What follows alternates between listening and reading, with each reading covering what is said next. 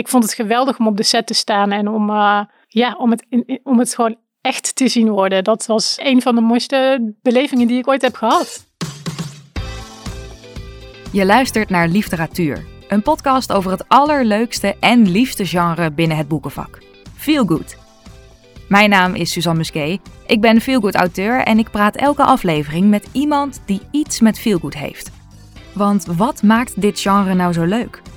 Ik weet dat, jij weet dat misschien ook en mijn gast van deze aflevering weet dat zeker. Deze keer spreek ik met... Chantal van Gastel. Chantal van Gastel! Hi. Hallo. Wat fijn dat je er bent. Ja, vind ik ook. Dankjewel. Wat leuk dat je... Dat je jij bent een, een, een veel gevraagde gast voor, uh, voor dit seizoen. Um, toen ik afgelopen seizoen uh, had afgerond, toen was het, komt er een tweede? Want we willen allemaal heel graag dat Chantal van Gastel aanschrijft. Echt, nou, dat vind ik fijn om te horen. Ja, toch? Nou, ja. ik dacht ook wel gelijk toen ik jou uh, het eerste seizoen zag doen van, nou, dan moet ik ook een keertje bij zijn. Toch? Dus dat is helemaal wederzijds. Nou, dus dat is bij deze hebben we dat nu. Dus ik ben heel blij dat je, dat je er bent. Um, Chantal, hoe, hoe gaat het met je allereerst? Ja, goed. Ja? Ja. Ben je lekker met uh, nieuwe projecten aan het schrijven? Altijd eigenlijk. Ja. Ik ben altijd bezig met nieuwe projecten. Um, ik heb net vakantie gehad, dus oh, dat is ook wel weer fijn. Dat was echt heel lang geleden, jaren geleden.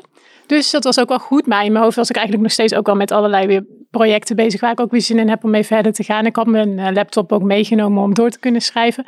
Daar is dan toch weinig van gekomen, moet ik zeggen. Ja, heb je, kun je het dan wel een beetje loslaten van... Ja, toch wel toch lastig. Maar ik was ook met mijn familie en uh, uh, dan moet je toch ook een beetje sociaal zijn. Ja, ja dan kun je, dan, je, je kunt dan wel zeggen, jongens, ik ben even driekwart van de dag niet in de ja. buurt. Maar het is wel net zo gezellig als je erbij bent. Als je het dan toch doet, dan kun je het beter een beetje goed doen ook, hè? Maar een schrijversbrein staat nooit stil. Nee. Dus dan ben je toch wel een beetje zo nieuwe ideeën en zo. Ja. Uh... ja, ik vind het toch altijd, ik ben eigenlijk altijd wel aan het schrijven in mijn hoofd. Ja. Ik kan nooit echt stoppen. Ook niet... Uh, ik vind het ook altijd lastig. Mensen zeggen ook wel eens van, oh ja, hoeveel uur werk je of zo per week? Ik kan het echt niet zeggen. Want ik ben eigenlijk altijd aan het werk. Ja.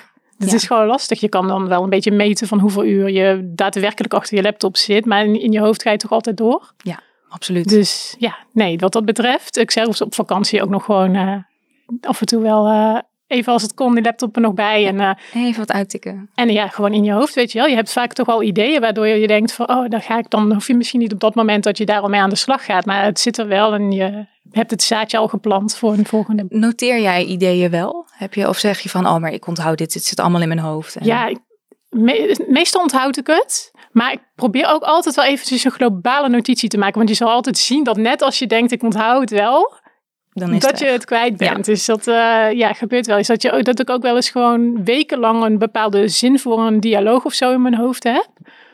En dan denk ik, oh, die heb ik wel. En dan zodra je hem wil gaan schrijven, dan denk je, oh, wat was die nou precies? Oh, dat ook zo Ja, ja, oh, ik herken dit heel erg. Ja, ik zeg altijd tegen mezelf, oh nee, dat onthoud ik wel. Ja. En dan vervolgens denk ik, oh, dit ben ik dan toch vergeten. En dan, dan weet je dat je iets vergeten bent, ja. maar niet wat het dan was. Precies. Vaak komt het wel terug, moet ik zeggen. Meestal als je er dan eventjes niet meer actief aan denkt, en dan ja. ben ik gewoon bezig met een ander stuk en dan valt het toch. Een goed idee komt vaak toch wel, uh, laat zich dan toch niet wegjagen, ja. denk ik. Ja, maar, nou, gelukkig maar. Dat, uh, en over goede ideeën gesproken, jij hebt een heleboel goede ideeën, want uh, jij bent feelgood auteur, jij bent bestseller auteur, mag ik zeggen.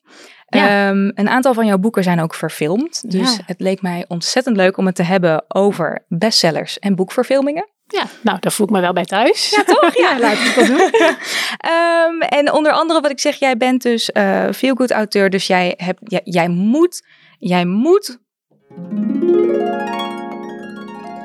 jouw eigen feel-good moment.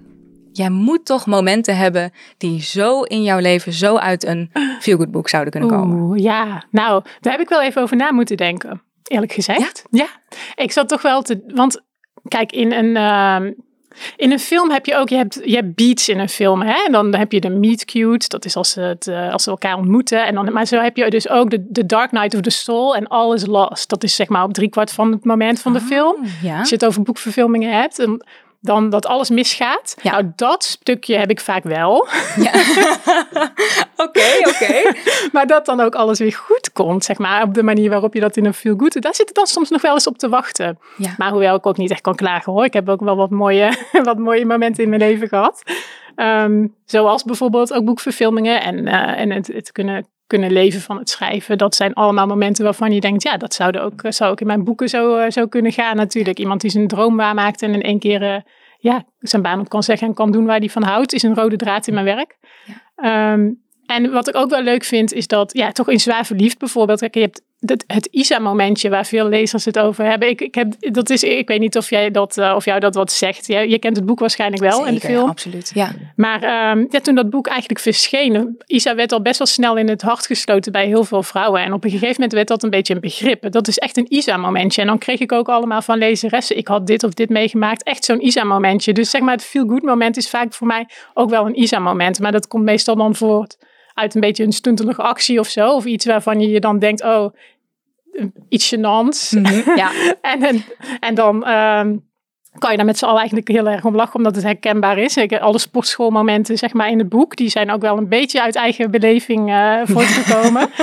uh, Bram bijvoorbeeld, de, de, de sportinstructeur, dat is echt een, uh, ja, zo'n zo'n zo'n zo'n zo'n type wat, nog, wat helemaal niet weet wat het is om niet in shape te zijn. En als je daar dan komt, terwijl jij best wel onzeker bent over jezelf, dat zijn allemaal momenten die ik wel uit mijn eigen leven een beetje heb geleend. Ja. Met een, een, een inspiratietwist natuurlijk. Ja. Maar uh, nou, ik had een beetje zitten nadenken om nou één, verhaal, om één anekdote een beetje naar voren te halen, die dan eigenlijk helemaal niet in mijn boeken zit. Maar wat misschien wel leuk zou zijn om, uh, uh, om, om daar nog eens een keer. Maar ik weet eigenlijk, het wordt misschien meer een mysterie dan een feel good, dacht ik. Oh, nou, ik, ik ben ontzettend geïntrigeerd. Dus uh, vertel, vertel. Ik zal, ik zal het even kort proberen uit te leggen. Ja. Het is alweer een hele tijd geleden. Ik was in de twintig. Ik was net aan het schrijven. Mijn eerste boek was uit volgens mij. En ik ging naar een soort netwerkfeestje waar ik weinig mensen kende op een hele afgelegen locatie. Um, in een kasteel. Dus er was een soort shuttlebus uh, reed van het station naar, hè, naar de feestlocatie. En het was, een, het was een beetje afgelegen. Dus ik moest ook zorgen dat ik op tijd met die shuttlebus weer terug naar het station ging. Nu voel je het vast wel aankomen. Een beetje, ja. Ja, ga verder. Ja. Dat is echt iets voor mij. Nou, ik was daar heel leuk aan het netwerken. Allemaal leuke mensen aan het praten. En er was ook een leuke man. Dus daar was ik op een gegeven moment een hele tijd mee in gesprek. Dus ik dacht, oh, dat is leuk. En op een gegeven moment vergeet ik natuurlijk de tijd. En ik merk ineens dat het best wel leeg was geworden ja. om me heen. En dat een heleboel mensen die bij mij in de shuttlebus zaten weg waren. Oh. Die op de, waar ik mee ook op de heenweg gereden was. Dus ik was een beetje in paniek. Dus ik ging gauw rondzoeken naar van waar is die shuttlebus. Nou, toen was die shuttlebus dus vertrokken zonder mij. En ik had geen idee hoe ik daar dus nu naar het station ja. moest komen. Dus ik was helemaal in paniek. Um, nou, in alle chaos heb ik toen nog iemand gevonden die met de auto was. En die kon mij dus nog naar het station brengen. Gelukkig. Maar ja, goed. Dat was dan niet die, die leuke man? Nee, nou ja, nee. Ja. Dat, was, dat was dus jammer. Dat zou dus in een feel-good roman wel zo zijn. Ja, ja. Dit bedoel ik dus. Het is geen follow-up. Ja. het is zo lekker dat je in een boek alles zo kloppend kan maken. Ja. Maar dit ging dus helemaal mis. En ik uiteindelijk uh, ben ik daarna natuurlijk... Ik, kon de, kon nog, ik was nog op tijd op het station. Maar daarna uh, ging natuurlijk een beetje rondvragen. Want ik had in alle consternatie geen contactgegevens met die man uitgewisseld. Maar ik had wel, ik wist waar die werkte en ik had zijn naam, we hadden allemaal zo'n naamtag. Dus ik dacht, nou, dat komt wel goed. ik vraag ja. gewoon een beetje rond. Maar ik begon dus aan, alle mensen die ik zo'n beetje kende rond te vragen van, hé, hey, wie is hij? Ja. En niemand kende hem. En toen heb ik op een gegeven moment, had ik het met iemand anders over. En die, die kende wel het bedrijf waar die werkte. Maar hij zei, ja, maar degene nou ja, de, hij zou dan de directeur zijn. Die directeur heet heel anders. En toen ging, kreeg, kreeg, ging ik een foto zoeken. En dat was ook een heel ander persoon. Oh. Dus nu, ik weet niet op de dag van vandaag niet wie die man was. Oh. En nu denk ik dus dat het een kasteelgeest was. Nee, echt? Oh, wauw. Ja, want dat verklaart ook waarom hij mij geen lift kon geven, toch? Ja, ik bedoel, dat hij is was volgens waar. mij niet echt. Ik heb hem gewoon... Ja. Oh, dat zou wel echt... Dan wordt het in één keer een heel ander verhaal. een heel ander verhaal, een spookverhaal. Ja, een soort... Ja, maar, maar toch, want je zou dan inderdaad zeggen... Was die man een soort partycrasher of zo? Ja, of was die dan... Maar ik ja, dan. hoe komt hij dan aan die plakker? Zo'n tag gejat bij de ingang. Ja, dan precies. Ja, dan was die directeur was er dan toevallig niet. Of niet. ja. Oh. Ik weet nog steeds niet hoe het zit. Het is inmiddels, nou, meer dan twintig jaar geleden. Dus ik kom er ook niet meer Oh. achter, denk ik. Wat zonde. Oh. Maar dit zijn wel dingen waardoor je dan toch weer denkt... Oh, ooit kan ik daar misschien nog wel eens iets mee. Ja, ja. Heb je het ooit, het zit niet in een van jouw boeken, toch? Nee, dit dit soort... zit niet in mijn boek. Nee, Nee, Ik gebruik vaak wel eh, van die gekke voorvallen. Ik heb hier nog nooit, eh, nee, nog niet de, de, de juiste, de, de juiste wending aan kunnen geven, ja, denk ik. Ja, Misschien vanwege dat, het idee dat ik toch denk dat het een, dat het een, een, een geest is ge- geweest. En dat weet niet hoe ik dat nou heel soepel in Ja, hoe, hoe, hoe verwerk je dat dan in een... eh, ja, dat is inderdaad wel waar. ja, maar toch, want je hebt het over...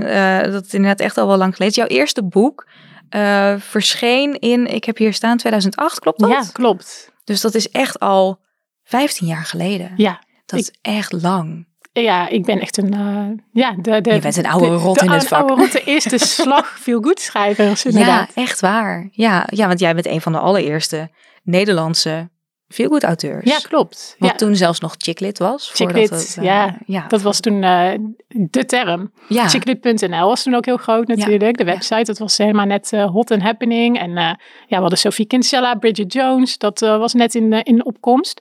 Ehm, ja, en Astrid Harrewijn had net haar, haar debuut gemaakt. Ja. En in haar, net daarna kwam ik. Dus wij waren een beetje zo tegelijk de soort van grondleggers, zou je bijna en kunnen hoe, hoe ben jij daarbij gekomen? Eh, dacht je gewoon, ik wil een chicklit schrijven en... eh, Ja, ik, ik heb mijn hele leven al geschreven als kind. En ik dacht ook altijd, ik dacht altijd, je wordt als schrijver geboren of zo. Dus je kan, ehm, je moet daar soort van voor weggelegd zijn. En je, ik, ik wist niet dat je daar beroepsmatig keuzes in kon maken of zo om daar naartoe te bewegen. Ik dacht dat iedereen zo'n soort van, eh, ja, eh, uitverkoren was of Ja. zo. En dan automatisch schrijven werd. Ik snapte niet hoe dat werkte. Ik ken dan natuurlijk alleen Roald Dahl en alle grote uh, Ja, kinderboekenschrijvers waar ik, van, eh, ja, waar ik heen, het werk van verslond.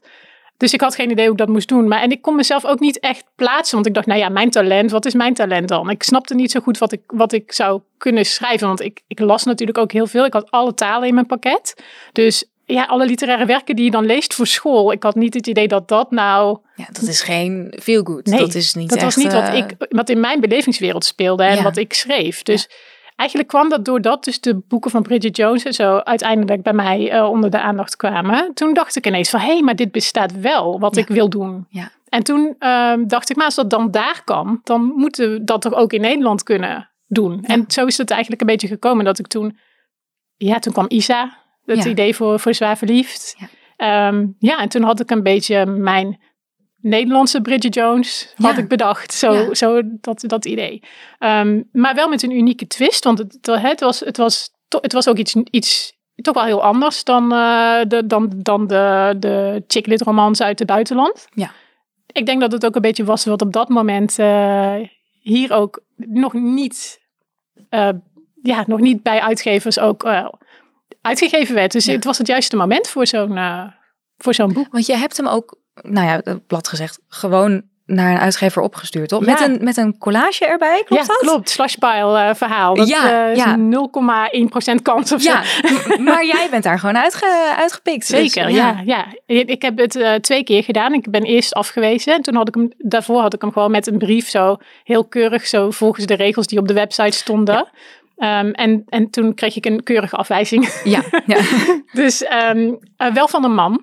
oké. En toen dacht ik ook een beetje, hmm, ja, ik snap eigenlijk wel waarom een man misschien denkt, hmm, eh, na een paar bladzijden, weet je wel, doorbladeren van, ja, ik weet niet. Ehm, toen dacht ik, ik probeer het gewoon nog een keer, want ik was wel heel overtuigd van mijn boek. Ja. Eh, en toen eh, heb ik die collage erbij gemaakt, want toen dacht ik van, oké, ja, misschien als het bij een man terechtkomt, dan, dan, dan leest hij een paar bladzijden en dan kan hij zich misschien niet echt herkennen of zo. Ja, ik weet niet of dat dan aankomt. Ja. Dus, maar als hij die collage ziet, snapt hij in één keer wat ik wil vertellen. En toen zo, daarom heb ik dat bedacht. Wat goed. Het was een soort van eh, ja, manier om heel snel te kunnen laten zien: dit is het boek, hier gaat Ja. het over, dit is de vibe, dit is de sfeer.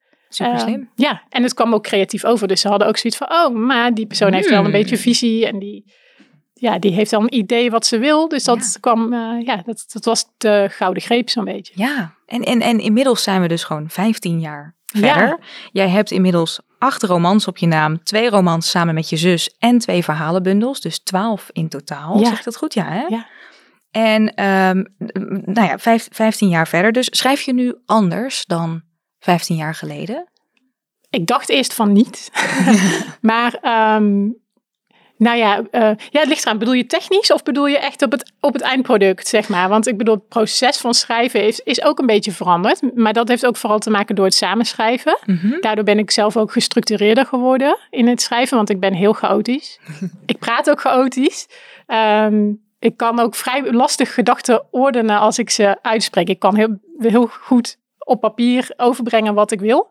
Maar ik, dan heb je de tijd om te schaven en om er goed over na te denken. Zeker, ja. Als ik praat, krijg ik alles tegelijk. En dan, dat hoor je nu ook, dan komt dat Ja, dan komt het er in één heel keer snel allemaal uit. Ja, ja, precies. Ehm, en dan is de structuur een beetje weg. En dat ehm, met, met, met, mijn zus, met mijn zus samenschrijven heeft me wel geleerd om ook meer structuur. Want dan moet je ook. Want je kan niet eh, dan gewoon zelf maar wat doen. Want dan wordt het natuurlijk chaos als de ander ook iets doet. En ja, dat, dat, dat kun je niet zomaar bij elkaar voegen. Precies. Dus je moet allebei weten wat de ander doet. Dus ik- wat dat betreft, en dat vind ik ook, en daar heb ik nu ook heel veel aan als ik solo schrijf, dat je gewoon dat ik iets meer structuur heb. En eh, daar helpt ze me ook wel bij, want dat, ik ben er gewoon niet goed in. Mhm. Maar dat is, dat is wel heel fijn dat ik in die dynamiek heb ik er ook al wat van geleerd dat ik dat, ik dat ook zelf toepas.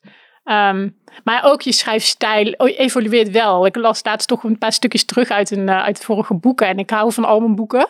Ehm, nog steeds. Ook, ook gewoon mijn eerste. Ehm, ik moest laatst een stukje voorlezen voor ehm, film, eh, beginnende filmmakers, studenten die wilden. We, we hadden het over van script naar eh, van een boek naar script. Dus ik ging een stukje uit mijn eerste boek voorlezen, uit Zwaar Verliefd. En toen schaamde me, eh, ik me een beetje, want ik dacht, ja, dat is zo lang geleden. En dan denk je, ik zou dat nu toch allemaal heel anders Ja. opgeschreven hebben. Maar toen ik een stukje aan het lezen was, toen, toen dacht ik toch, oh, maar die personages zijn nog steeds, weet je wel, het is nog steeds een heel lief verhaal. En oké, natuurlijk zie ik nu wel dingen die ik nu technisch gezien denk ik beter zou vertellen. En ook de eh, bepaalde grapjes of zo heb je misschien ook wel eens dat als je, ja, dat dat toen grappig was, maar dat je nu denkt, hmm, dat zou niet meer helemaal eh, goed vallen nu. Ja. Weet je, dat dat soort dingen blijft. Eh, da- daar zou je, dat zou je nu anders doen. Ja. Maar, Maar je, ja, je groeit natuurlijk ook als auteur. Dus Ja. het is ook eh, jouw laatste, eh, of je nieuwste, laat ik het zo zeggen. Laatste klinkt alsof je hierna nooit meer Ja. wat... eh, je je Meest nieuwste, recente. Ja, het meest recente, nu we hier toch zijn, is... Ja, ik wil niet zeggen van nou die zou dan sowieso gegarandeerd veel beter moeten zijn dan. Het is in, in beide gevallen is het 100% een Chantal van Gastel. Maar je bent wel gegroeid als Ja. auteur. En Ja. er zit een. Ja, Ja. en ik denk ook wat, wat fijn is, dat ik ook wat zelfverzekerder ben in ehm, wat ik wil schrijven. Dus als ik een risico wil nemen met een verhaallijn of zo, ik vind het wel fijn om, ehm, om er toch wat diepgang ook in, in, in boeken aan te brengen. En dat zegt eigenlijk bijna elke schrijver. Niemand zegt, ja, maar ik vind het heel leuk om een formuleboekje te Doe, schrijven. doe maar lekker oppervlakkig Ja, dan. eh, ja. dus ja, dan denk je, oh, daar komt er weer zo iemand aan met zijn diepgang. Maar ehm, ja, ik vind het wel leuk om altijd toch iets bijzonders te doen in een boek. Zodat lezers toch, ook al hebben ze altijd een classic Chantal van Gastel, dat ze toch elke keer weer denken, oh wauw, maar deze is toch Ja, is anders toch dan de vorige. Ja, ja. precies dat. Ehm, en ja, vroeger vond ik dat ook wel eens lastig, want dan kreeg je wel van je uitgever feedback of zelf ook zou dat niet doen, want dat is niet helemaal eh feel good of dat past niet helemaal. Ik weet bijvoorbeeld toen ik Zoek het maar uitschreef, dat er zit natuurlijk de verhaallijn van ehm, een oma en een eh, jonge vrouw in het heden in. En dat loopt door elkaar heen, de eerste, twee eerste liefdes. En dat ene verhaal speelt zich in de Tweede Wereldoorlog af. En dat was ook best wel dat ze zeiden, ja, in een feel good moet je dat dan doen. Dat is natuurlijk Ja, best wel ja. gek, dat clasht. En ik dacht van, ja, het kan. Waarom zou ik Ja, het niet doen? Maar het past in dit boek, past het. Precies. Ja. Maar ik weet nog wel dat ik dat toen dus best wel moeilijk vond om dat soort van door te duwen. Omdat ik ook dan een beetje onzeker werd van kan, het, kan ik dat dan wel? Maar ik ben daar nu wel wat, dat, dat, dat soort dat vertrouwen groeit wel. Dat Ja. je ook denkt van ik probeer gewoon dingen en ik wil dat doen. Dus Ja. ik sta erachter, dus dan doe ik dat ook. Ja, en niet voor niets, want het werpt zijn vruchten af. Want jij hebt met vijf boeken in de bestseller 60 gestaan. Ja, dat klopt. Ehm, eh, de bestseller 60, ik zal hem even... Dit moeten we even uitleggen. De bestseller 60 even uitleggen. Ehm, dat is een, een, een overzicht eh, per week eh, van de 60 best verkochte boeken in Nederland. klopt. Toch, zeg ik dat Ja. goed? Ja. Hè? En ja, dat is toch, nou ja, dat is, dat is bijna een soort het summum als Ja, auteur om daarin te komen. Ja, het is een beetje de, ja, zoals een top 40 no- not- not- notering voor, een- voor een hit. Ja, precies. Ja. De, en dan heb jij dus vijf keer, nou ja, dan de bestseller 60, vijf, vijf top 40 hits eigenlijk Ja, wat dat betreft klopt. gehad. Wat, wat doet dat met je? Ja, nou dat, dat is fantastisch. Ja, ik vind dat ik dat je, je het legt de lat ook hoog, want je bent natuurlijk met elk boek weer, eh, ja, dan wil je weer daarin natuurlijk. ja, ja. Als dat eenmaal gebeurt, dan uh, dat smaakt dan naar meer. Ja. Ehm, Nou ja, het is natuurlijk heel erg fijn dat ehm, op het moment dat dat gebeurt, weet je gewoon dat er heel veel mensen hebben zitten wachten op jouw boek en die dat dus tegelijk hebben gekocht. Ja. Op dat moment. Dus dat, dat, dat idee, ja, dat is natuurlijk, dat wil elke schrijver. Brengt het een druk met zich mee ook? Dat je denkt, de volgende moet nog beter of de volgende moet... Ja, aan de ene kant wel. Ik ervaar het niet echt als druk, maar het is wel, ja, het is wel een ambitie die je dan hebt natuurlijk. Ja. Je wil natuurlijk altijd eh, aan, die, aan die top dan blijven en het liefst ook nog weer doorgroeien. Ja. Dus meestal eh, ja, blijven er toch ook altijd weer nieuwe doelen ontstaan. Als je denkt van oké, ik wil in die bestsellerlijst. En als je dat dan hebt gedaan, denk je ja, oké, maar nu wil ik lang in die bestsellerlijst. Hè, want ik heb er volgens mij op, volgens mij met eh, drie weken of zo is het langst dat ik in heb gestaan. Dus nu heb ik zoiets van, ik wil zes weken of ik wil, weet je wel. Dus je gaat ja. dat weer pushen. Ja, ja, maar dat is toch ook, ja. Maar ik denk dat dat ook eh, gewoon iets, ja, dat is ook een, een gezonde ambitie. ja, Want als je denkt, nou oké, afgevinkt. Klaar, ja dan, dit is, dat, eh, dan groeit er weer een nieuwe wens, toch? Ja, precies. Ja. Ik hoor jou net zeggen dat jij eh, ook samenschrijft ook met je zus. Ehm, onder andere ons samen onder het pseudoniem Cela van Gastel. Ja. Hoe bepaal je of je, stel je zit, eh, nou ja, je bent net op vakantie geweest, eh, je zit aan het zwembad, je krijgt een boekidee. Hoe bepaal je dan van, hé, hey, die gaan we samenschrijven Ja. of die... Dat is wel mooi dat je dat zegt. Want dat eh, dilemma hebben we ook een beetje met eh, Nu we hier toch zijn eh, gehad. Het idee is heel erg samen ontstaan. Ik ben met mijn zus ook best wel goed de hele lijn uitgedacht. En ja, dan, dan voelen we daarna eigenlijk een beetje aan van... wordt het een Cela of een Chantal? En dat heeft eigenlijk vooral ook te maken met...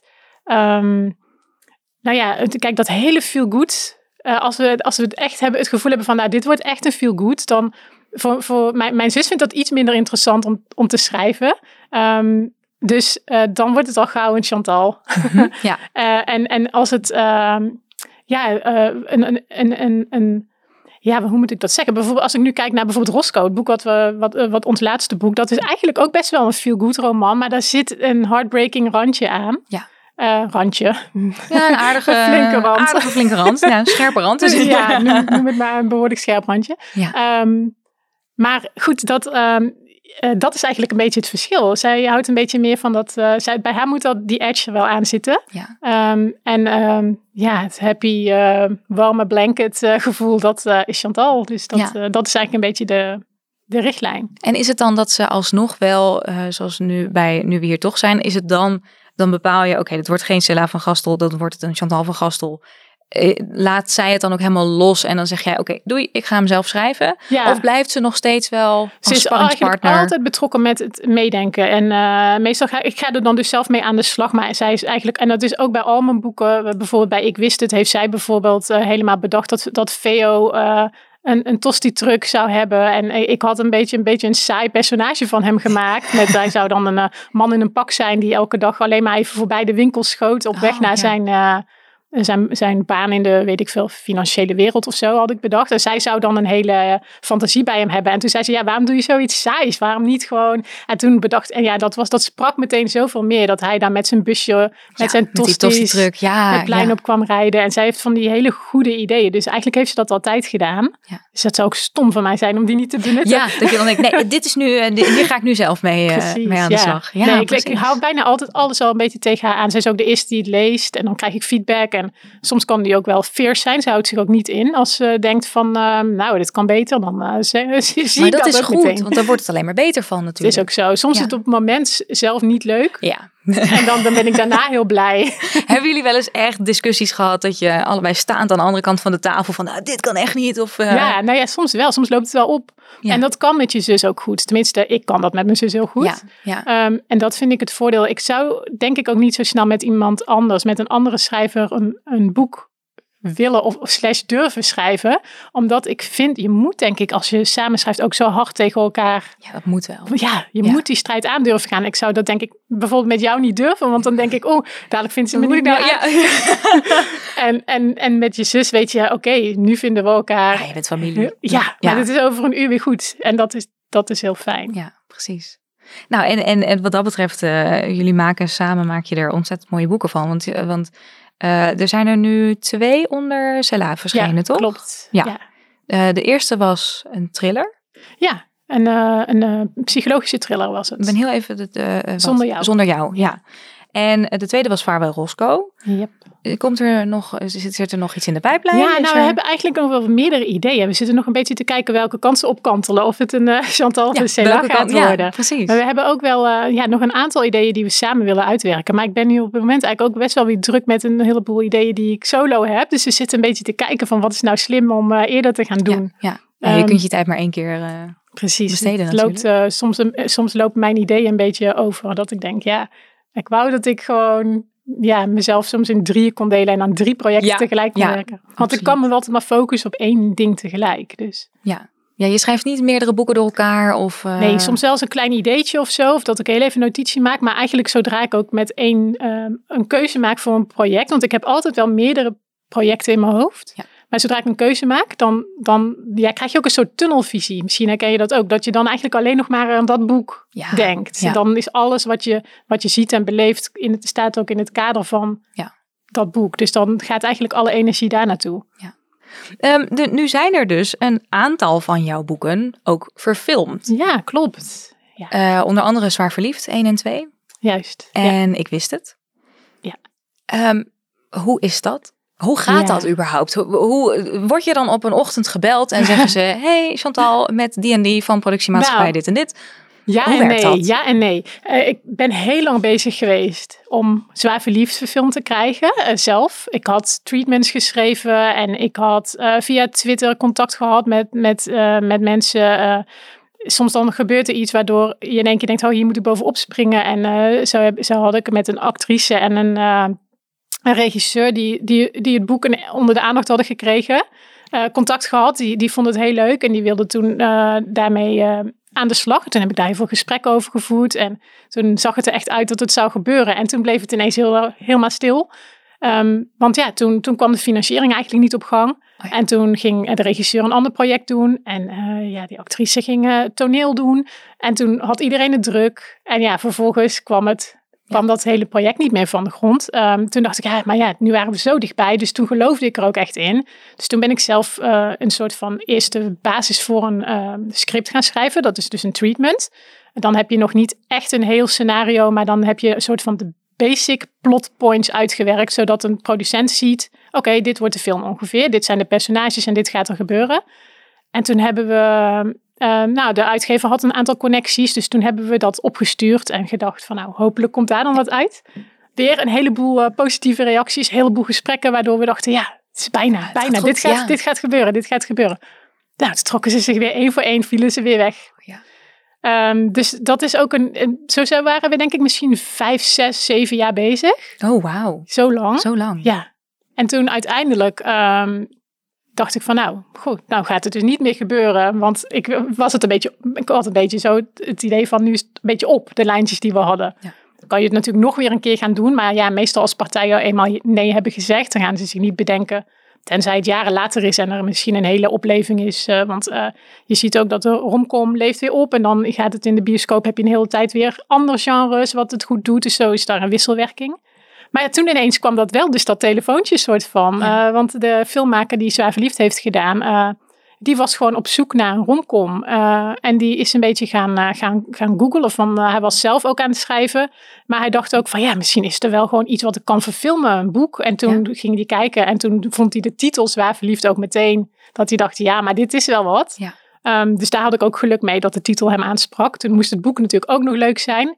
Dus toen ging zijn vrouw het boek lezen en die was zo enthousiast dat zij eigenlijk toen de doorslag heeft gegeven. En toen heeft hij weer contact opgenomen. En uh, nou ja, wij hadden zo'n beetje alles klaar liggen, want wij hadden al... Uh, was al lang bezig. Ja, we waren ja. al lang bezig. Dus ja. we zochten alleen eigenlijk nog iemand. Uh, en, ja, en, hij, en toen doordat hij aan boord ging en zijn connecties er weer bijbracht, toen kregen we RTL aan boord als investeerder. En dat is natuurlijk heel belangrijk. Ja. En toen, uh, ja, toen kregen we ook een, een, uh, ja, nog, nog een producent erbij en een distributeur. En ja, toen ging het balletje rollen. Toen ging het echt heel snel. Ja. Binnen een jaar wisten we toen, ja, hij gaat komen. Ja, en dat, ja, dat is toch fantastisch? Ja, Dat is heel, heel, erg, heel erg, ja, dat is een droom die uitkomt. Ik wilde altijd al, net, bijna elke schrijver droomt.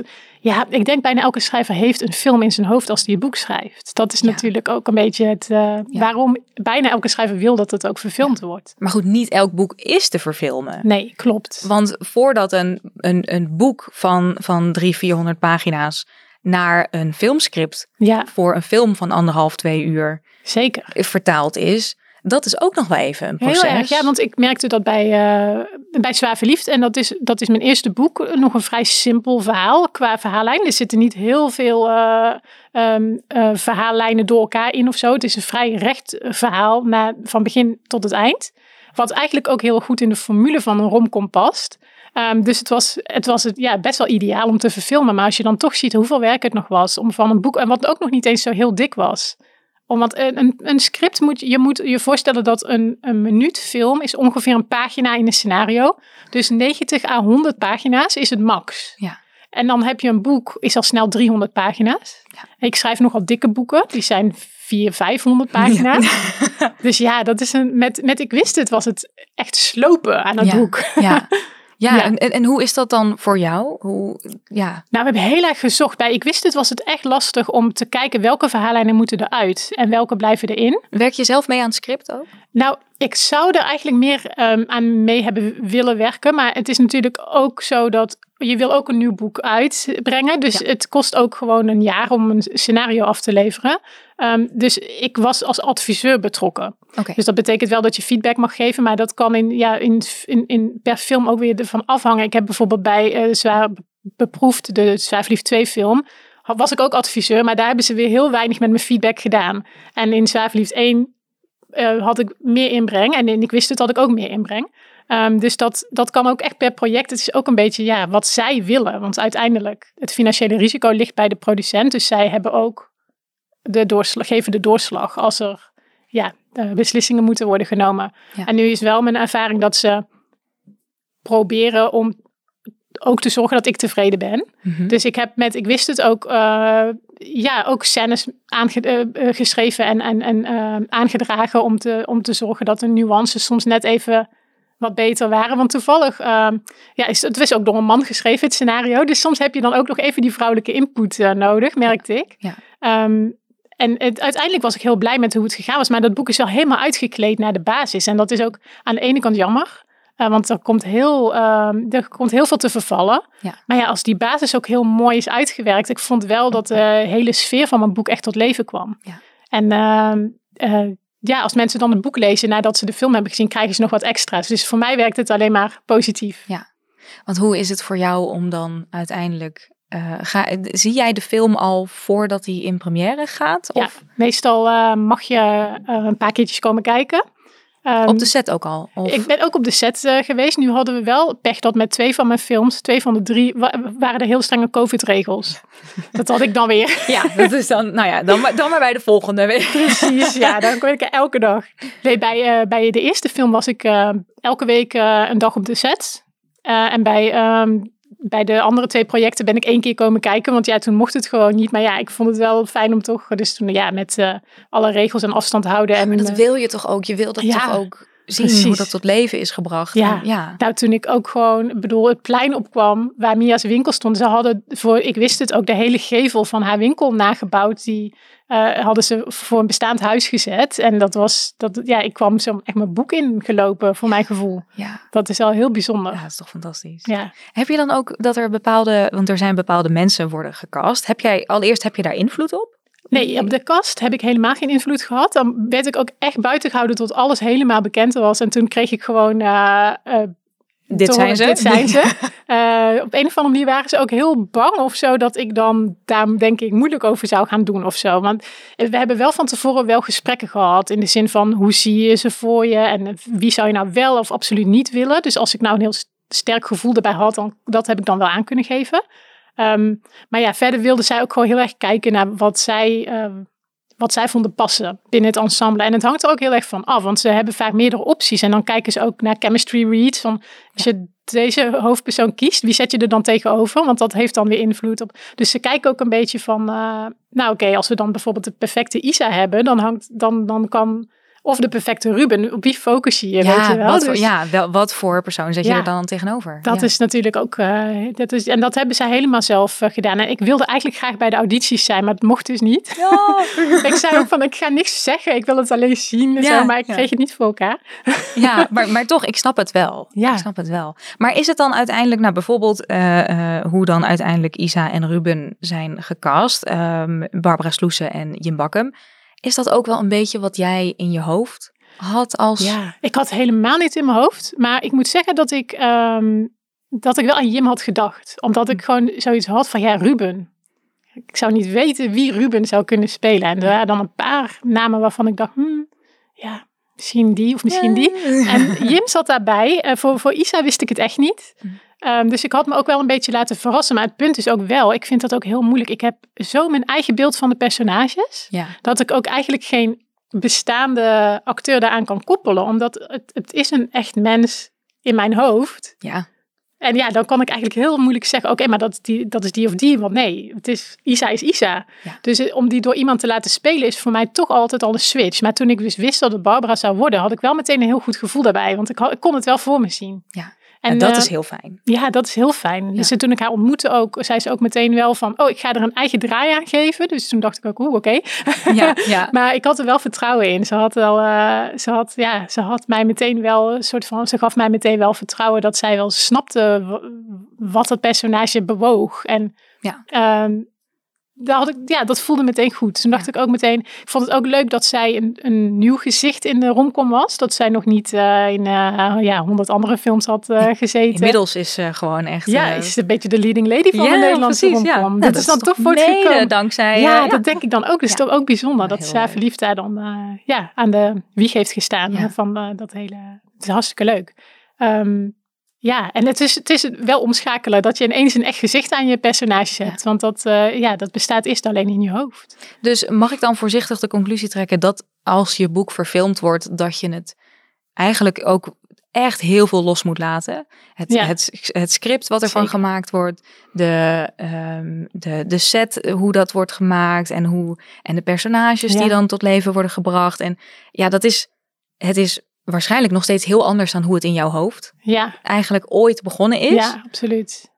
Is, is, dat, is dat moeilijk, dat Ja, loslaten? nou, ik heb het voornamelijk toch ook als heel positief ervaren. Dat het, het is voor mij zijn er nu soort van twee universa voor mijn, voor mijn verhalen. Je hebt de film eh, Isa en je hebt de boeken Isa. En ik Ja. heb ook nog steeds, als ik denk aan Isa, heb ik nog steeds mijn eigen Isa. eh, naast film Isa. Dus Ja. er zijn er gewoon twee nu voor mij. Ehm, en dat, dat is echt een aanvulling. Ehm, het, het- je moet het wel kunnen, denk ik. Ik weet niet of iedereen eh, het, het makkelijk vindt. Je hoort ook wel eens van eh, auteurs die dan eh, ja, heel boos en ontevreden zijn. En die, dat, ja, die er heel ongelukkig van worden dat hun wereld zo wordt aangetast. ja, ja. En het hangt er denk ik ook een beetje van af. Ehm, ja, als het, als, het in, als het gevoel van, van je boek wordt overgebracht, dan denk ik dat het voor elke auteur heel fijn is om dat tot leven te zien komen. Ja. Ik vond het geweldig om op de set te staan en om, ja, om, het, in- om het gewoon echt te zien worden. Dat was een van de mooiste belevingen die ik ooit heb gehad. En je hebt een heel piepklein eh, rolletje in. Ja. eh, waar, waar kunnen we jou voorbij zien komen? Ik, in, een, eh, in een wachtkamer, geloof Ja, ik? ik zit in de dierenkliniek te Ja. wachten, inderdaad, met een, met een hond. Dat en is Zwaar Verliefd 1. Dat is Zwaar Verliefd 1. Ja. In Zwaar Verliefd 2 kon ik niet eh, figureren, want eh, toen eh, ja, waren de COVID-regels, dus dat ging niet. En toen hebben ze wel hebben ze mijn boek Zwaar Verguld in beeld gebracht. Is het in het vliegtuig, in de vliegtuigscène, zit iemand achter Isa het boek te is lezen. een soort Inception Ja, dan. heel grappig. Superleuk. ik, ik had het bedacht, want omdat ik wist dat ik er niet in kon, dacht ik, kunnen we dat doen als dat, prop? Dat vonden ze ook een leuk idee. Ehm, en in Ik wist het zit ik op een bankje op de winterfair. Op het einde, de slotscène, zit ik eh, voor de winkel op een bankje. Superleuk. Ja, maar dat is toch superleuk dat je dan toch nog op, op, op een manier een beetje Ja, deel uitmaakt. superleuk. van- En je bent inderdaad dan ook de hele dag daar. En eh, ja, je ziet dan alles zo Ja. gebeuren. En ja, het voelt dan ook, het voelt ook heel leuk om er onderdeel van te zijn. En als jij dan nu dus nieuwe boeken schrijft, heb je dan al een beetje zo in het, met het idee van, oké, maar dit, ja, dit, dit schrijf ik al met het idee, zo Ja. kan die verfilmd worden? Nou, ik had bij deze ook wel mijn nieuwste. Had ik ook wel zoiets van, oh ja, dit is, oh, oh, zou wel heel mooi zijn op, voor de film. Maar ik moet ook zeggen dat ik de inspiratie ook een beetje had door, de, door Ik wist het, door de film. Uh, omdat die scène in Parijs zo mooi was. Met, uh, met ja, Theo en uh, Mia bij de, op de brug, de Pont Alexandre. Um, met het uitzicht op die Eiffeltoren. Toen dacht ik, oh, wauw, weet je wel, dit is zo mooi. Stel dat we een hele film in Parijs konden opnemen. Ja, stel nou dat dat zou kunnen. Wat als ik er een boek over schrijf? Dus ja, zo is dat een beetje, ja, dat was wel een beetje de, de impuls om dit dan ook als setting in Parijs te nemen. Ja. Um, en ik had al wel bepaalde ideeën voor, de, voor dit verhaal. Um, al een hele tijd. En dat kwam toen samen met Parijs. En zo heb je dan in één keer uh, dat, dat, dat boek uh, bedacht. Maar ik, ik, je, je moet. Um, ik, ik kijk niet helemaal naar de haalbaarheid. Want dat is juist zo fijn aan een, boek, aan een boek. Dat je helemaal niet hoeft na te denken of het te verfilmen is. Want met een film moet je zoveel um, ja, in acht nemen. Bijvoorbeeld ook met bijfiguren. Uh, je moet op, bij een film natuurlijk heel erg kijken van, oké, okay, is die rol functioneel? Want als je iemand alleen maar even een scène in moet laten lopen en hij komt daarna het hele boek niet meer terug, ja. dan moet je daar wel een acteur voor casten. En ja, wil je een beetje een goede acteur... nodig is dat hij er is. Ja, ja, want ja, dan moet hij toch een hele dag of zo komen en dan zet je daar dan echt een bekende acteur voor neer, dat, voor één dag. Ja. Of doe je figurant. Maar dat, weet je, dus dat is allemaal best wel. Je moet een beetje nadenken van uh, zodra je dus ook een, een, een boek naar een scenario gaat, gaan ze ook heel erg kijken van, ja, moet die er dan uit of zo? Of heeft ze wel drie vriendinnen nodig? Of kunnen het er twee zijn? Weet je wel zo. Ja. Want ja, je moet natuurlijk dat ook kunnen kasten. En met locaties is dat hetzelfde. Als je um, een locatie één keer terug laat komen, dan ja, moeten ze voor één keer die hele, ja, moeten ze dat helemaal afboeken en moeten ze dat helemaal gaan scouten en, en zorgen dat daar gefilmd kan worden. En als iets een terugkerende locatie is, ja, dan is dat, dan is dat weer, ja. ja. Dus daar moet je echt heel erg over nadenken. Ja, je kunt uh, in boeken ontploffingen doen en ze naar de maan laten gaan in principe. Precies. dat gaat, breng, breng het maar eens in beeld. Ja, en dan gaat ze nog even de hele wereld over in een wereldreis. Ja, en dan gaat ze zo, nog, ja. In het epiloogje even zo, weet je wel. Ja, maar even zes landen. Ja, precies. En dan, dan, kunnen we dat ook even filmen. Want ja, dan, uh, dat is wel leuk. Ja, maar, maar, maar toch, dan heb je dus voor nu we hier toch zijn. Is het dan toch dat jij in de basis gewoon schrijver bent, want je bent er toch, je hebt er toch wel voor gekozen om er een boek van te maken. Ja. Dit is niet dat je dan denkt, oké, maar dan schrijf ik een scenario en stuur ik hem op. Nee. En het is wel een boek. Moet ik zeggen dat ik inderdaad ook wel door de film, uh, door de verfilmingen ook wel ideeën voor scenario's heb. En, en, mijn zus ook, dus daar zijn we eigenlijk ook mee ja. bezig. um, ik vind dat, um, dat Priscilla ook een hele goede scenario schrijver is, bijvoorbeeld. Um, en um, ja, wij zijn dus, dus ook met ideeën bezig om, dat, uh, om, om daar wat meer uh, mee te doen. Ja. Maar ik merk ook al wel heel gauw dat ik dan toch ga denken, oh, maar in een roman, want dan kan je vaak nog zoveel meer. Dus dan wordt dat idee toch vaak weer een, uh, ja, dus toch een, weer een boek. Dus toch weer je schrijvershart ja. die dan toch nog even een beetje... Ja. maar dat snap ik wel. Als dat, ja, kan, dat is je basis. Ja, zet ik je... moeilijk uit. Ja. ja, precies. Ik heb jou gevraagd om ook een aantal boeken mee te nemen. Ja. Um, want ja, uh, als, er, als er iets is wat je als schrijver vaak ook doet, is het lezen natuurlijk. Lees je veel? Ja, heel veel. Nou, ik moet zeggen dat ik de laatste tijd zo van aan het schrijven ben, dat het lezen minder wordt. Mm -hmm. Maar um, over het algemeen ben ik wel echt een, uh, ja. ja, verslind ik wel boeken. Maar ik heb, ja, ik vind het eigenlijk wel een goed teken dat het nu voornamelijk dan schrijven is. Dus voor, daarvoor vind ik het dan niet zo erg dat ik wat minder lees nu. Ja. Maar ik vind het ook wel jammer, want ik hou heel erg van lezen. Ja. Maar uh, ja, ik, ik vond het ook heel lastig om een paar boeken uit te kiezen. Want ik uh, had al gauw een hele stapel van uh, Ja, je had het net over dat er ongeveer 30 ja. die hebben. Ik dacht, ik maak even een ruwe selectie ja. van het En toen had je er in één keer... Ja, maar terecht ook wat Precies. dat betreft natuurlijk. Want ja, ja maar ik kan uit... ook niet kiezen. Ik vind het gewoon... Kan jij een lievelingsboek noemen? Want ik bedoel, dan, zeg, dan noem ik er één en denk oh, maar die ook en die ook. Nee, ik, ik heb dan altijd dat ik zo'n soort van een top drie-achtige... En, en, en, en dan kom ik uiteindelijk ook nog op zeven andere. Dus dan heb je nog weer tien. Maar die is ook goed en die is ook leuk. En, het is onmogelijk. het is echt heel... Uh, ja, dus, dus vandaar ook dat ik... Uh, ik ben blij dat je er een aantal mee hebt genomen. Want eentje is, is onmogelijk. Ja, inderdaad. Um, ik, wat, wat heb je bij je? Nou, ik dacht, het is wel leuk om dan ook... Um, ik heb me dan toch gefocust op de boekverfilmingen. Want dat is toch een beetje het thema van, uh, van vandaag. Uh, en ja, ik hou ook wel van een goede boekverfilming. En ik ben altijd ook heel blij als een van mijn favoriete boeken verfilmd wordt. Want dat voelt voor mij ook altijd als zo, zo, zo van, oh, dat, dat heb ik al ontdekt daarvoor. En dan nu ja. wordt het erkend of zo door de hele wereld. Een beetje dat idee. Dat jij dat... ben, je, ben je dan niet bang dat je dan denkt, oh, maar het is een van mijn favoriete boeken. Doen ze het wel eer aan? Ja, dat, dat, ik vind het niet zo erg. Want als die, als die niet goed is, dan dat, doet voor mij niet af aan het boek. Ik hoor, hoor van heel veel mensen dat ze dan het, dat ze dan het beeld van het boek kwijt zijn. Ook van, um, ja, als ik dus um, uh, personage, de acteurs niet leuk vind of zo, dan zie ik in één keer die acteurs. Ik heb dat wel als ik eerst naar een film ga en dan pas een boek lees. Ja. Dan heb ik vaak wel dat ik die acteur niet goed los kan laten. Ja. Maar dat boek bestaat al zo lang in mijn hoofd. Dat is toch al helemaal mijn wereld geworden. Ja, en dan is het toch weer die twee universums waar Precies, je het dan kan ik ja, het heel goed precies. scheiden. Dus als hij dan tegenvalt, vind ik het jammer. Ook gewoon voor de schrijver en voor, voor het verhaal. Maar dan, ja. Dan eh, doet dat niet doet- af aan Nee, niet aan de ervaring af. Nee. Voor mij niet, in ieder geval. Ehm, maar ik heb er een paar gekozen dan die ik dus wel heel goed vond. Ehm, ja, ik begin even met, eh, met, met, met, met de, de eerste die, die ligt, dat is ingepikt van Emily Giffin. Hij heet Something Borrowed. Ja, ik wou zeggen, die ken ik inderdaad. Ken eh, je? ja, ja. Hij heeft ook, ik weet niet, ja, kijk, hij is eh, niet in beeld natuurlijk op een podcast, maar dit is zo'n retro classic. Ja, het is echt zo'n. Ja, dit is, zo, dit is ook een beetje hoe ook de, de eerste covers van eh, Zwaar Verliefd. Zwaar Verguld, Zwaar Beproefd, alle drie er ook uitzagen. Precies, want ik heb deze ook echt toen gewoon gekocht, toen die uitkwam. Wat is dit? 2004. 2004 Oh ja. al. ja, ja, dit is ook echt zo'n. eh, Dit is, de, dit is de eerste lichting feel good gewoon zo'n Ja. beetje. Ja, het is ook gewoon echt, het is ook een heerlijke feel good. En hij is een beetje fout in die zin. dat Ik heb gehoord dat in Amerika die film heel erg eh, gemengde kritiek heeft gekregen. Omdat het Oh. toch gaat over twee vriendinnen.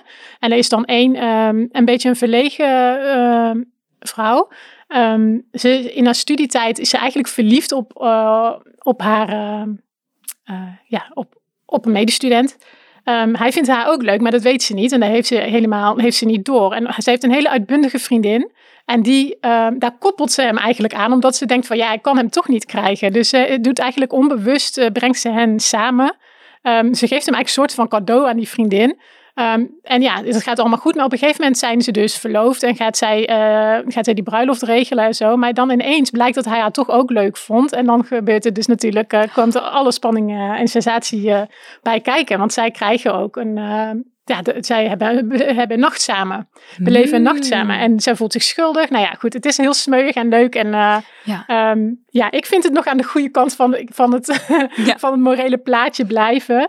Ehm, maar heel veel mensen in Amerika waren, vielen daar dus wel over van ja, dat ze dat haar vriendin aandoet. Precies. Ja, ja. ik hou ook wel soms een beetje van die tropes hoor, waarbij het dan een beetje, ja, weet je, dat geeft toch spanning. En, en hij is ook verfilmd dan ook als Something Borrowed. Something Borrowed Ja, heet hij. Ja. ja. en ik vind, het, ik vind de film ook uh, echt, echt superleuk gelukt. Hm. Hij is ook echt goed. Uh, ja, leuke acteurs. ehm, uh, Darcy, die vriendin, die, is ook, die wordt door Kate Hudson gespeeld. En dat is heel onuitstaanbaar gedaan. Maar echt wel op zo'n manier dat je er toch ook wel Maar van wel heel houdt. goed, ja.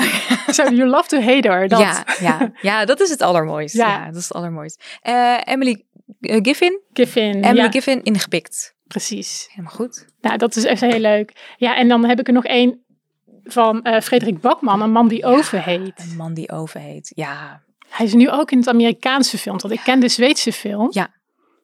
Um, en nu is het met uh, Tom Hanks. Ja. Dus nu is hij helemaal groot uh, geworden.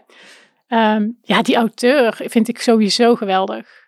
Um, het verhaal is heel ontroerend. Een oudere man die uh, heel ongelukkig is en eigenlijk een einde aan zijn leven wil maken.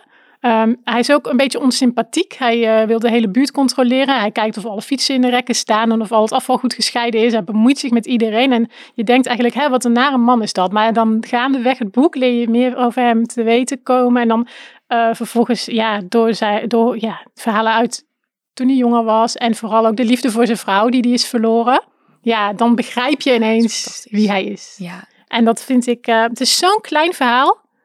En het is um, heel groot en meeslepend voelt het, zeg maar. Ja. Ik vind dat heel mooi. Als mensen iets, een soort van kleine emotie universeel kunnen maken. Ja. Dat probeer ik eigenlijk ook altijd een beetje in mijn boeken. Dat is mijn doel. Ja. En dat vind ik dat deze schrijver ook, dat hij dat briljant doet. En ik werd ook heel boos toen ik erachter kwam dat hij, wat is hij? Van 1982. Ik ben van 1980. Ik had zo een beetje het ge gevoel van, oké, dat is zo'n hele... Uh, oude gelauwerde schrijver die ja, heel dat, veel ervaring dat. heeft. Die kan dit, dan kan je dit schrijven. Ja. En toen was hij twee was jaar jonger. Zo. Oh, Dan ben je toch pissen. ja, maar echt. Dan nee. ik toch, mm. Ja, dat kan ik dus ook. Nou ja, vol bewondering hoor. Ik vond echt, maar ik, ik had zo echt het idee van, ja, dat is echt zo'n, dat is een oudere man. Die moet heel veel uh, doorleefd hebben, wil hij dit kunnen schrijven. En toen, ja, was die van mijn leeftijd. Dat was ook wel weer leuk, maar... heb, je, heb je allebei de verfilmingen gezien? Nog niet, nog niet met Tom Hanks. Die ga ik binnenkort ook kijken. Ja, heb je ze echt, ook? Heb je ik heb, ja, ik heb ze allebei gezien. En um, het, wat ik er zo mooi aan vind, is dat de, uh, want het is, een, het is een Scandinavische auteur, dus dit is ook een, een Scandinavische film. Ja. Um, en de uh, Amerikaanse verfilming is bijna een soort ja, laat ik zo zeggen, de originele verfilming zou eerder in een, in een filmhuis worden getoond. En de Amerikaanse is echt bijna een soort familiefilm geworden oh, daardoor. Dus ben ik meer... heel benieuwd naar het verschil ook. Ja, ik vond het echt wel, het, het verhaal is hetzelfde, dus de, de strekking is zo goed als hetzelfde. Maar het gevoel aan het eind van de film, ik ben heel benieuwd uiteindelijk wat je, er, wat je ervan vindt, is echt, ja, het, het, ik, ik weet dus niet welke ik mooier vind. Omdat ze eigenlijk heel, heel verschillend zijn van ja, elkaar. nou, dat is leuk. Dan ook wel dat je gewoon... Uh, ja, dan heb, dan, heb je de, dan heb je dus eigenlijk een soort van drie universums. Ja, e-, echt waar. Ja, dat is echt zo. Ja, ja. dat is leuk. Ja, dat je, ja, ik weet ook niet of ik die... Uh, ik vond de Zweedse film echt heel mooi. Dus ik weet ook eigenlijk niet of ik nou... Uh, of ik hem beter ga vinden. Want ik vond die ook echt heel goed gelukt. Ja, dus, die is echt, echt fantastisch. ja. ja. En inderdaad, ja, de Amerikaanse vind ik ook echt heel mooi. En ja, Tom Hanks kan ook zoveel verschillende lagen spelen. Dus daar ben ik, ik ben ook eigenlijk heel benieuwd naar hoe hij het karakter invult. Ook vooral dat wil ik graag zien. Ja, dus dit is een man die overheet. Ja. Um, maar je hebt nog meer. Uh, ja, hebben we nog tijd? Zeker, ja. ja, de eerste dag van David Nichols. Oké, ik heb weer de eerste versie van jaren geleden. Um, One Day heet hij, geloof ik. Uh, de film. En dat is ook wel een heel mooi concept. En daar hou ik ook altijd van. Van boeken die in een bepaald uh, patroon worden geschreven of zo. In een bepaalde, um, hoe heet het, is een woord voor waar ik even niet, niet op kan komen. het speelt zich eigenlijk, um, elk hoofdstuk speelt zich, het is, elk hoofdstuk is een dag. één dag in een bepaald jaar. Steeds dezelfde dag. Mm -hmm. uh, heet die, die feestdag. Het heet... Um, het is 15 juli 1988. Het begint het verhaal en we zien dus elke dag, elk jaar, elk hoofdstuk is een 15 juli, een oh, jaar later. Okay. Um, en dat, we zien dus hoe de karakters elkaar ontmoeten in 1988 en dat loopt zo helemaal door tot het heden.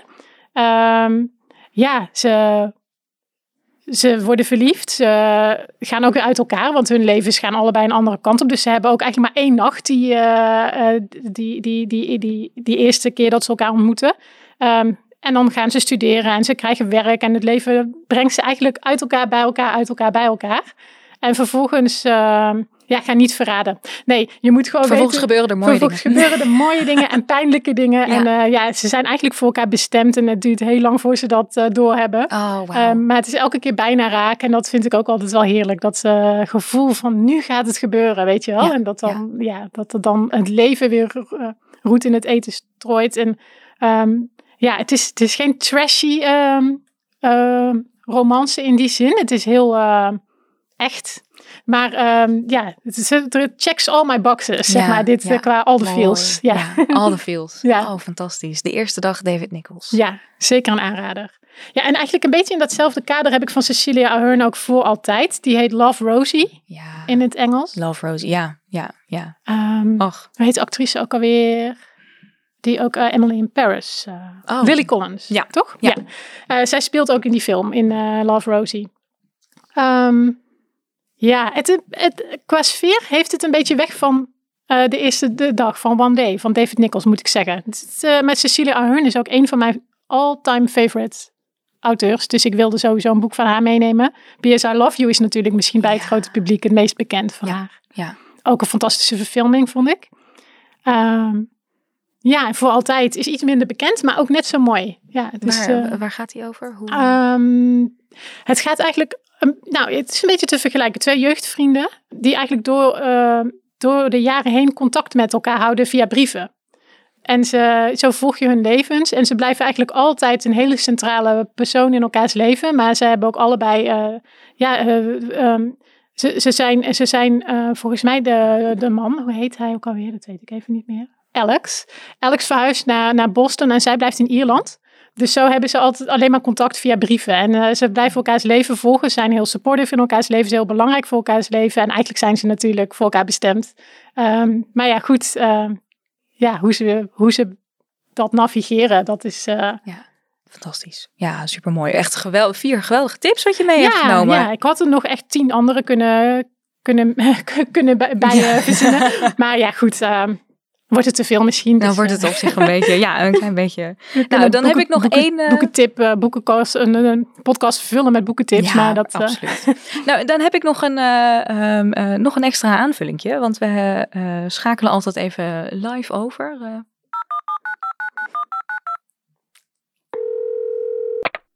tip van de boek.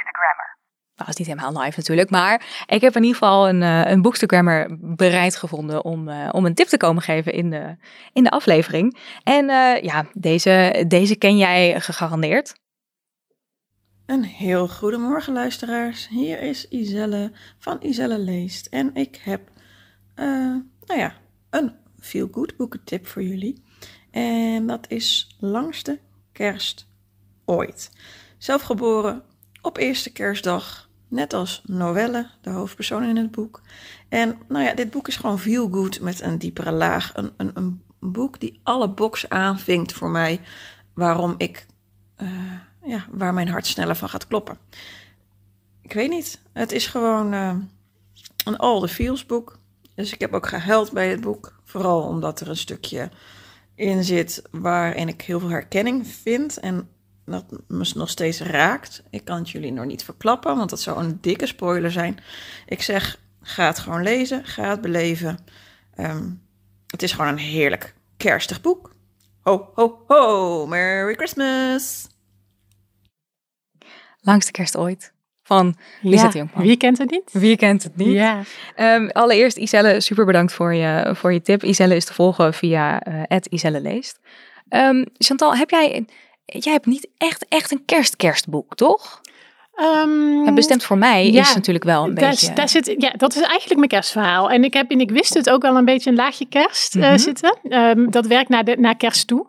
Um, maar ja, bestemd voor mij speelt zich, dat heb ik wel een beetje in uh, de structuur geschreven van uh, A Christmas Carol. Je hebt die drie geesten. En ja. dat heb, dat, met dat idee heb ik wel gespeeld in ja. Bestemd voor mij. Dus dat, ja, dat, is, dat is dan toch het meest kerstige boek wat ik heb geschreven. Ja. Zou je ooit echt nog echt een, een, een echt kerstboek, wat echt 100% met belletjes op de voorkant en... Um, ja, vind het, zou het wel leuk. Ja, ik vind, ik vind het altijd wel heerlijk. Ik kies zelf ook eigenlijk met kerst altijd wel een echt kerstverhaal om te lezen. Dus en ik moet die van die zet nog lezen. Dus dat wordt dan. Uh, wordt dan bij deze voor op je TBR. Precies, het wordt goed uh, om dat uh, dan deze kerst te doen. Dat hoort er altijd wel bij.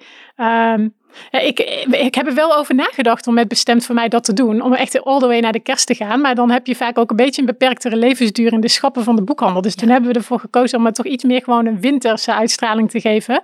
Um, ja, en ik heb natuurlijk wel de winterbundel ook. Uh, maar dat is ook weer een winterbundel. Winter in ja. New York. Daar zitten ook een paar kerstverhalen in. Eigenlijk doe ik best wel veel met kerst nu ik over Nou, ik wou zeggen, dan is het toch wel... Uh... ik ben echt een kerstverhalenmaker. Uh, maar het is meestal een elementje inderdaad. Niet een... ja precies. Niet een groot van uh, dat het echt om de twee dagen en om, de, om, de, om het bereiden van het kerstdiner en uh, komen de gasten wel en, uh, ja. het versieren van de boom precies, en dat soort. De boom valt om en de lovertjes liggen over. Weet je dat? Ja, dat, dat heb ik nog niet gedaan. Nee.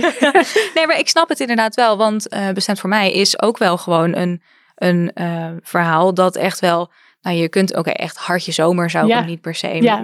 Nou Soms doen waarom ook niet? Wel, ik wou zeggen, waarom ook niet? Maar daardoor is die wel het hele jaar door te lezen. Nu is dat met kerstromans natuurlijk ook wel zo. Ja.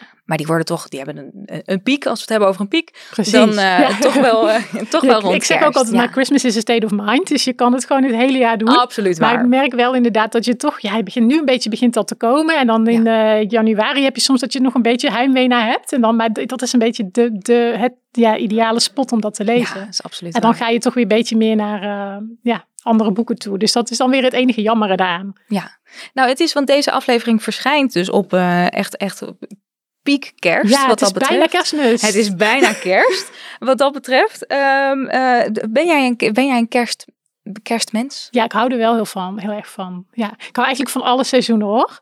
Uh, maar ik vind... Uh, ja, ik vind kerst wel heel, heel, heel fijn. Heel, heel gezellig om naartoe te leven.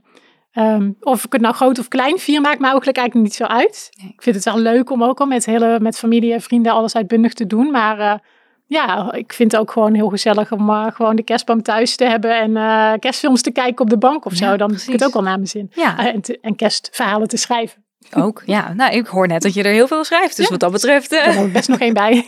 en nu is kerst en oud en nieuw is natuurlijk ook altijd een beetje al een moment om, om vooruit te gaan, te gaan blikken.